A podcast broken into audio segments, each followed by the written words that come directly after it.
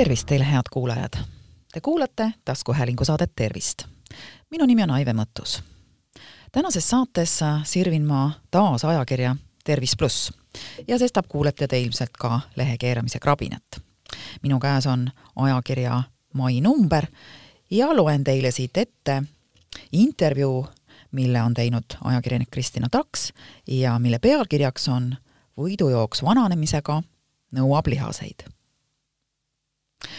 võimalikult aeglase vananemise võti on liikumine, toob Tallinna Ülikooli spordibioloogia professor Kristjan Port, kes on kuuekümneaastane, välja tõsiasja, et lihaste hääbumisega kaasneb kogu keha allakäik. ta ütleb sedagi, et mitte enam väga kauges tulevikus saab vananemist pärssida ka apteegist ostetud ravimitega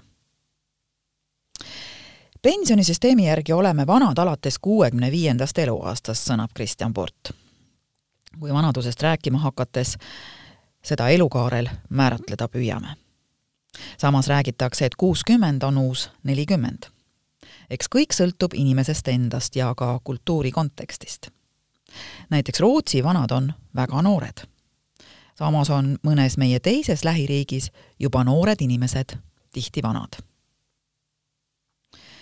miks osa inimesi vananeb justkui kiiremini, aga teistele ei näi aastad üldse mõjuvat, küsib ajakirjanik.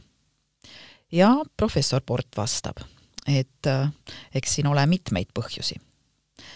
et inimesed vananevadki erikiirusega, tuli hästi välja ühest Uus-Veremaal tehtud uuringust. sinna hõlmati tuhat inimest tuhande üheksasaja seitsmekümnendatest alates ja praegu on need inimesed neljakümne viie aastased ning on näha, et osa vananeb kiiremini, osa aeglasemalt. on inimesi, kes on vananenud ühe aastaga vaid null koma nelja aasta jagu, kuid ka neid, kelle keha vananes samal ajal kaks ja pool aastat. mõneti on vananemine Porti sõnul seotud geenidega. meil on ju geene, mis aitavad mõne haigusega hakkama saada või siis just suurendavad haigestumisriski inimesed muudavad haiguste tõttu elustiili, mis loob pinnase kiiremaks vananemiseks.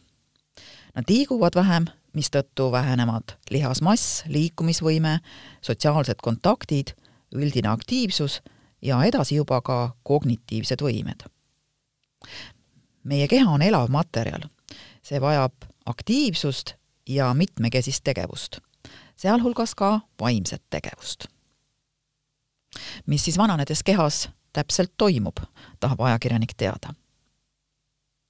Olulised organid nagu aju, süda, maks ja ka nahk on vanuse kasvades jätkuvalt suure koormuse all. Nende talitus sõltub uuendusprotsessist, mis peab toimuma kogu aeg. uuenduseks on aga vaja kallist ehitusmaterjali valku. suurem osa igapäevasest valgust saame me toidust vanuse kasvades liigume aga vähem ja vajame vähem energiat ning seetõttu ka sööme vähem. sellega aga satub ohtu uuenduseks vajalike valkude saamine. loodus on sellele mõelnud ja hangib puuduse ajal vajalikud asendamatud valgud lihastest. vähenev ja nõrgemaks muutuv lihaskond ei suuda elutähtsate organite haigustest taastumise vajadust aga toetada ja olukord halveneb muuhulgas kahaneb äh, taoliste hädade ajal ka söögiisu ja olukorra halvenemine kiireneb veelgi. lahenduseks on oma lihaste eest hoolitsemine. selleks piisab lihtsatest harjutustest. kehaline aktiivsus sunnib rakke tööle, mõjutades kõiki kudesid.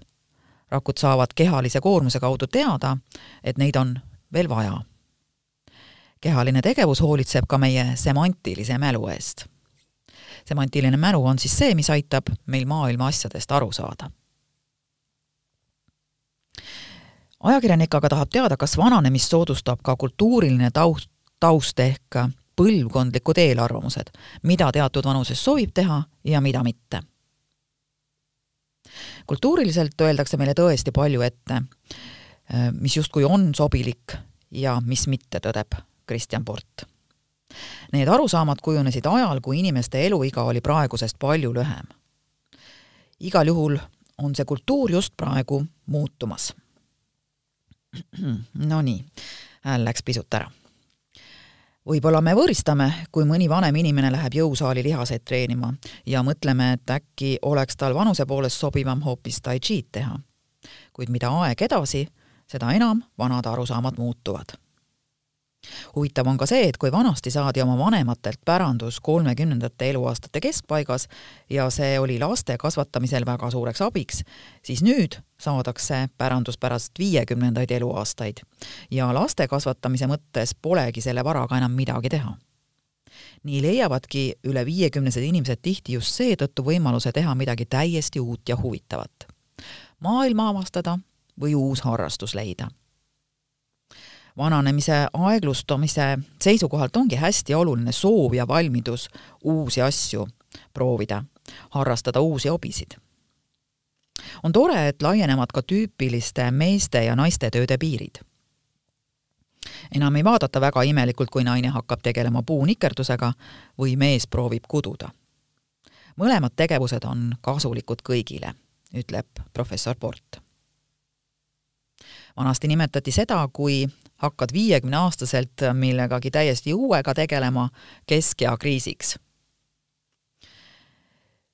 Kristjan Purt ütleb aga, et meie areng on jõudnud sinnamaani, et inimeste eluiga vajabki uut struktuuri. just selles vanuses tekib jälle rohkem aega iseendale. on vabadust teha, mida ise tahad.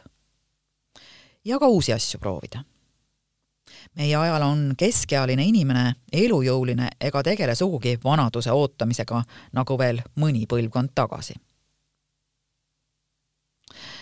vaevalt mõeldakse vanaks saamise peale tõsiselt enne teatud ealisi verstaposte, neljakümnendat või viiekümnendat sünnipäeva.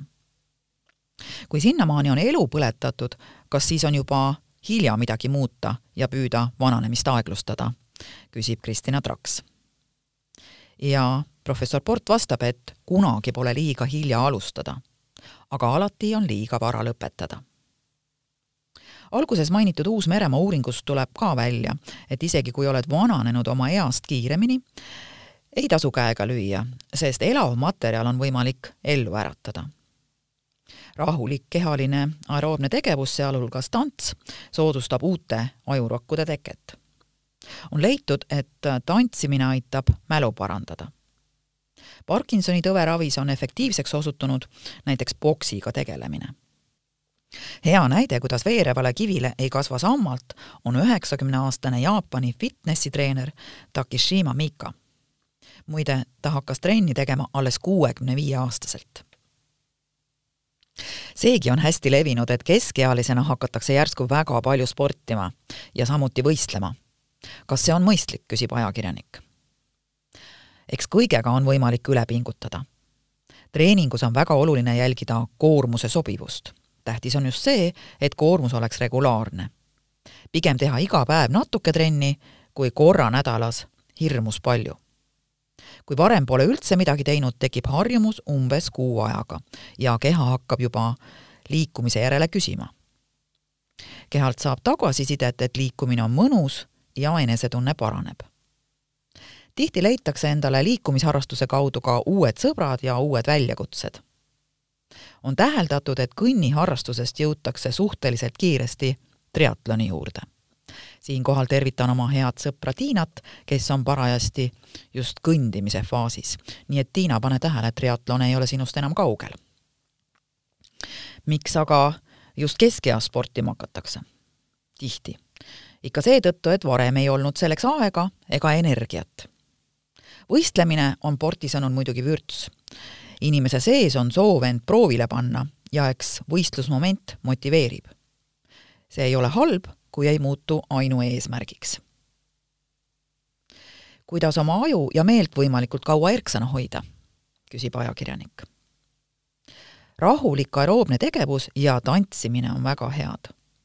Uued neuronid on Porti sõnul rumalad ei ole veel võrgustunud ja seepärast on vaja neid aidata. aeroobse tegevuse ja ka millegi intellektuaalse harrastamisega. see ei pea olema sugugi vaid ristsõnade ja sudokude lahendamine. vabalt võib ka näiteks maalida, lugeda või kas või intellektuaalselt huvitavat vestlust pidada. võimalikult aeglase vananemise võti on Porti sõnul liikumine. Ja viimane küsimus selles intervjuus. väga huvitav muide, õieti on huvitav vastus. kui pikaks võib meie eluiga üldse kasvada?